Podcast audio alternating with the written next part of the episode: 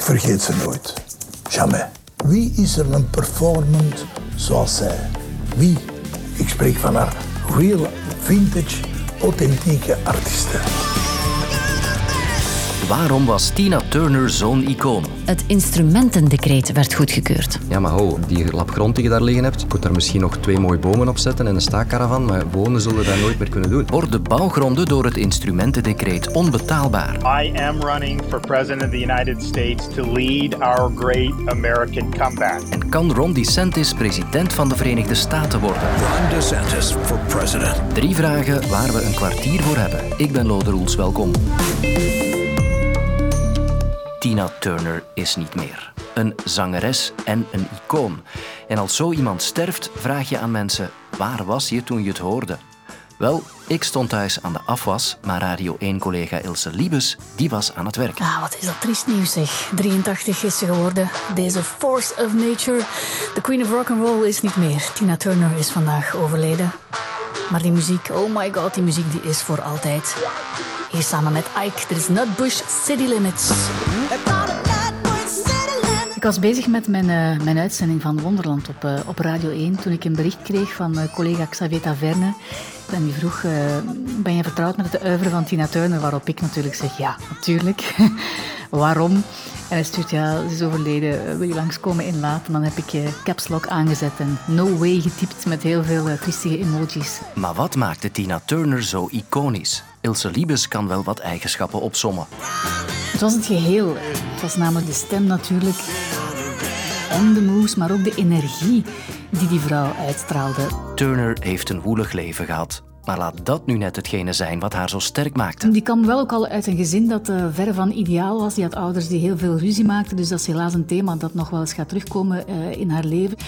Ze zingt graag en dus wil ze die kansen grijpen om te kunnen zingen. En zo komt ze op een bepaald moment, eind jaren 50, Ike Turner tegen, die een eigen band heeft en die ook altijd op zoek is naar nieuw talent. En op een avond lukte Tina Turner om uh, op dat podium te geraken bij Ike, die natuurlijk meteen doorheeft van oké, dit is hier goud, wat er hier op het podium um, gebeurt. En voilà, ze zijn met elkaar in zee gegaan. Eerst uh, puur muzikaal en daarna zijn ze ook een koppel geworden. Zijn ze, hè, dus ze hebben samen echt heel erg mooie muziek gemaakt.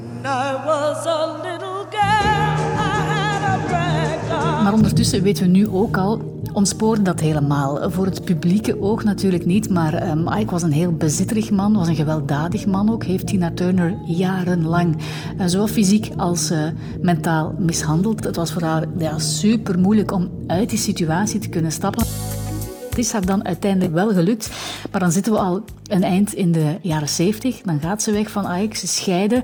En op dat moment probeert ze eigenlijk om haar solo-carrière nog verder een beetje van de grond uh, te laten komen. Maar dat lukte niet zo goed, omdat in Amerika een deel van de mensen daar nam nog altijd de kant van Ike. En ook ze was ondertussen in aanraking gekomen uh, met de politie. Ze was opgepakt voor illegaal drugsbezit. Al die dingen maakten dat het heel lastig was. Het is eigenlijk alleen maar door de steun van muzikale vrienden zoals daar is een Mick Jagger, die hen ooit Ike en Tina nog mee in het voorprogramma van de Stones heeft genomen.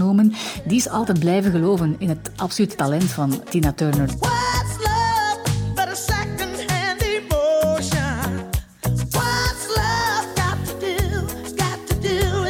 Ze is dan uiteindelijk thank God, op de juiste manager gestoten. En dan zijn we ja, ondertussen begin jaren 80, 384 denk ik. En dan komt Private Dancer uit. En dat is de soloplaat die voor haar eigenlijk ja, het begin van haar carrière, of van het tweede deel van haar carrière, betekent.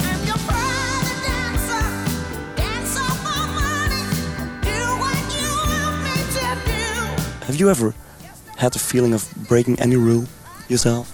Well, I think you're taking it a bit serious. Breaking rules to Tina Turner is like, uh, it's very positive. It's just that I didn't follow the rules of anyone else in terms of uh, what I wanted to do for my life and in terms of giving up on life, you know, uh, when times really got hard. I just broke the rules and went on with uh, my own rules and, uh, and I, that's, how, that's how I got here. Er was natuurlijk een, een heel cruciaal moment ook. Ik denk dat het dan ergens jaren 60 was waar Tina Turner zo diep zat dat ze een zelfmoordpoging ondernomen heeft. Omdat ja, dat was zo erg, die mishandeling die ze moest ondergaan. Ondertussen moet je voor het oog van de camera doen alsof alles oké is. Dus om je één daarvan te kunnen losrukken en om dan nog niet te, te, ja, te verzanden. Hè. Niet je te laten leiden door je verdriet en door wat je hebt meegemaakt en ergens in een hoekje te gaan zitten. Op dat moment heeft hij zoveel veerkracht getoond om één, te stoppen met, uh, met de drugs en alle dingen die slecht voor haar waren en gewoon zichzelf eigenlijk een beetje opnieuw heeft uitgevonden en dan nog een fantastische solo-carrière heeft uitgebouwd. Zijn zoveel punten geweest waarop het ook heel fout had kunnen gaan, denk ik. Met de carrière en met het leven van Tina Turner court. Maar kijk, de juiste mensen op dan toch het juiste moment hebben ervoor gezorgd dat ze er uiteindelijk wel een fantastische carrière heeft uitgebouwd. 200 miljoen platen heeft verkocht. 200 miljoen in totaal heeft ze zes decennia, in zes decennia muziek gemaakt.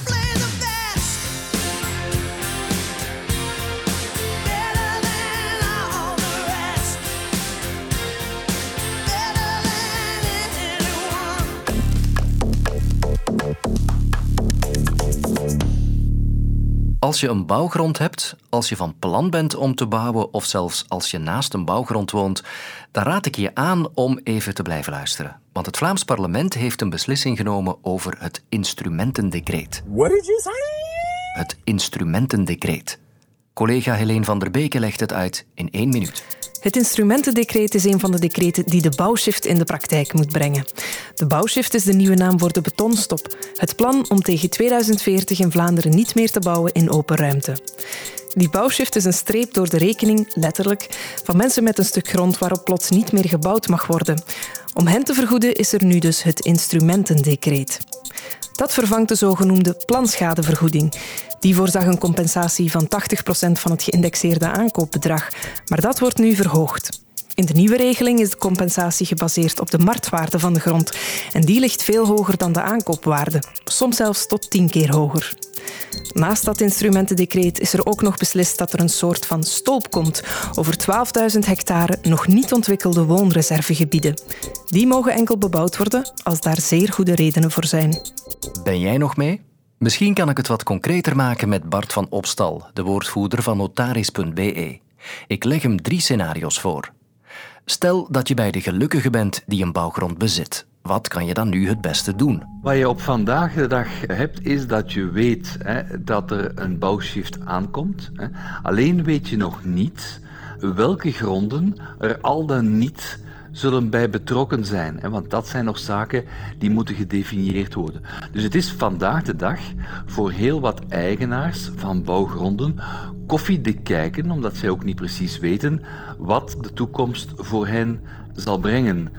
In die context denk ik dat het voorzichtiger is om geen overhaaste beslissingen te nemen en de kat wat uit de boom te kijken en kijken uh, wat de nieuwe regelgeving specifiek voor jouw bouwgrond betekent.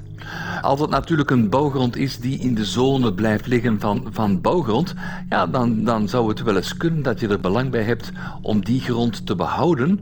Want één zaak is duidelijk, hoe meer open ruimte er is, hoe minder bouwgronden er zijn. Als er natuurlijk minder bouwgronden zijn, ja, dan, dan is de kans ook groot dat de prijzen van die bouwgronden ook zullen stijgen. Stel dat je niet zo fortuinlijk bent en geen bouwgrond bezit, maar toch hoopt om ooit genoeg gespaard te hebben om er eentje te kopen, tegen 2040 bijvoorbeeld.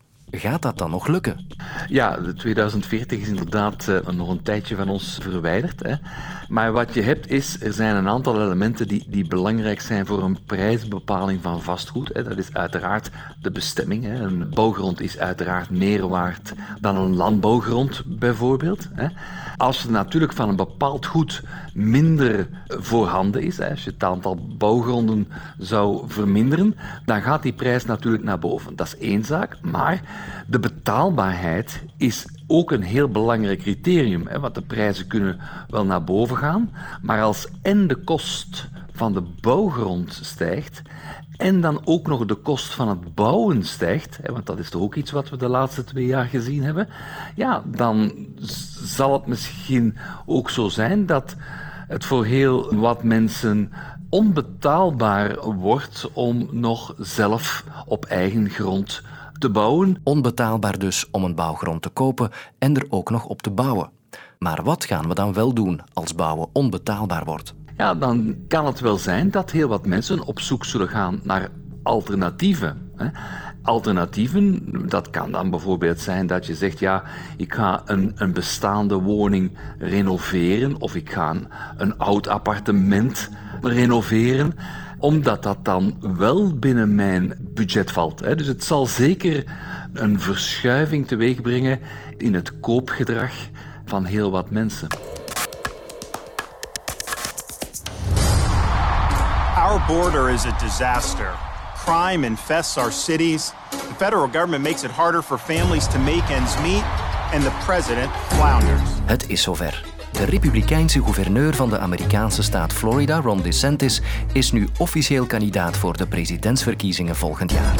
I'm Ron DeSantis, and I'm running for president to lead our great American comeback. Al liep het lanceren van zijn campagne niet van een leien dakje. All right, sorry about that. We we've got so many people here that I think we are kind of melting the servers. Eigenlijk wilde DeSantis zijn kandidatuur bekendmaken tijdens een live event op Twitter. Daarin zou hij geïnterviewd worden door Twitter-topman Elon Musk. Maar dat liep technisch helemaal fout. So I think we're back online here.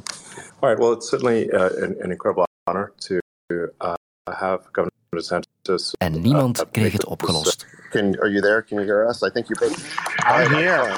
Uiteindelijk kon DeSantis dan toch zeggen waar hij voor gekomen was. I am running for president of the United States to lead our great American comeback. En zo wordt hij binnen de Republikeinse Partij een concurrent van ex-president Trump, die ook de nominatie wil binnenhalen. Wat zijn zijn kansen en waarvoor staat Ron DeSantis? Ik ben Bart Kermans, ik ben uh, prof Amerikaanse politiek en internationaal politieke economie aan de KU Leuven. Wat moeten we weten over deze Ron DeSantis? Ron DeSantis is een uh, republikein, heeft een tijdje gediend in het Amerikaanse leger, is bijvoorbeeld ook in Irak geweest als gevolg daarvan. Uh, is daarna uh, verkozen tot lid van het Huis van Afgevaardigden. Dat is eigenlijk een van de twee kamers van het Amerikaanse congres, het Amerikaanse parlement.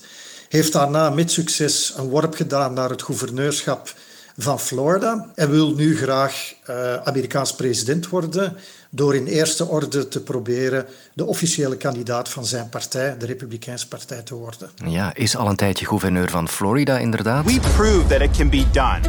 We chose facts over fear, education over indoctrination. Welke resultaten kan hij daarvoor?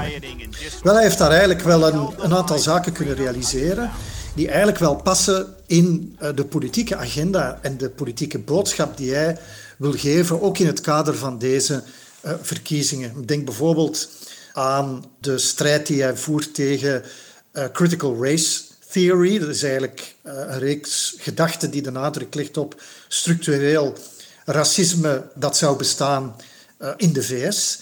Er is duidelijk ook een strijd tegen het naar voren schuiven van genderidentiteitskwesties, LGBTQ-issues, waaronder zeker transseksualiteit, in de jongste jaren van het onderwijs.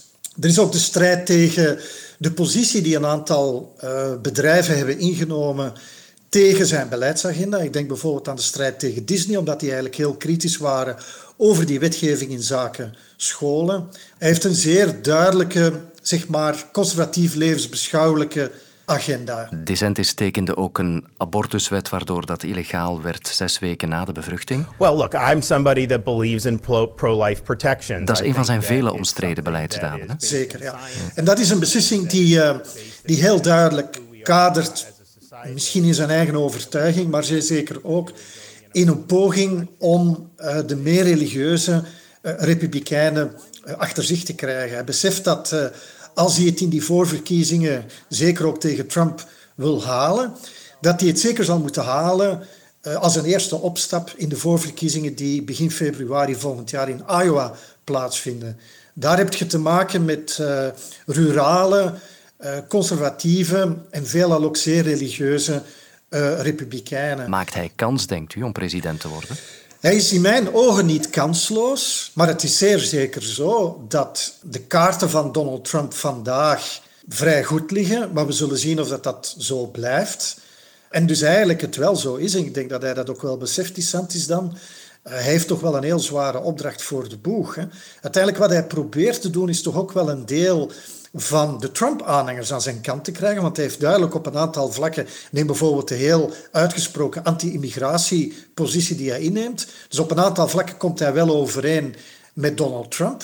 Maar het afsnoepen van kiezers die in het verleden op Donald Trump hebben gestemd, zal niet zo eenvoudig zijn. Want ja, sommige van die kiezers zien uh, Ron DeSantis als een kopie van het origineel, terwijl Trump het origineel is. Kiezen voor een kopie wanneer het origineel beschikbaar is, is niet zo evident. Geen kopie of flauw afkooksel van ons. Nee, wij gaan voor het origineel altijd. Morgen bijvoorbeeld met de vrijdagse editie van Het Kwartier. Tot dan. Luister ook naar Wielerclub Wattage, de podcast waarin Ruben van Gucht, Tom Bonen, Jan Bakelands en Dirk de Wolf de wieleractualiteit fileren en graven in hun geheugen naar goede verhalen. Nu in de app van VRT Max.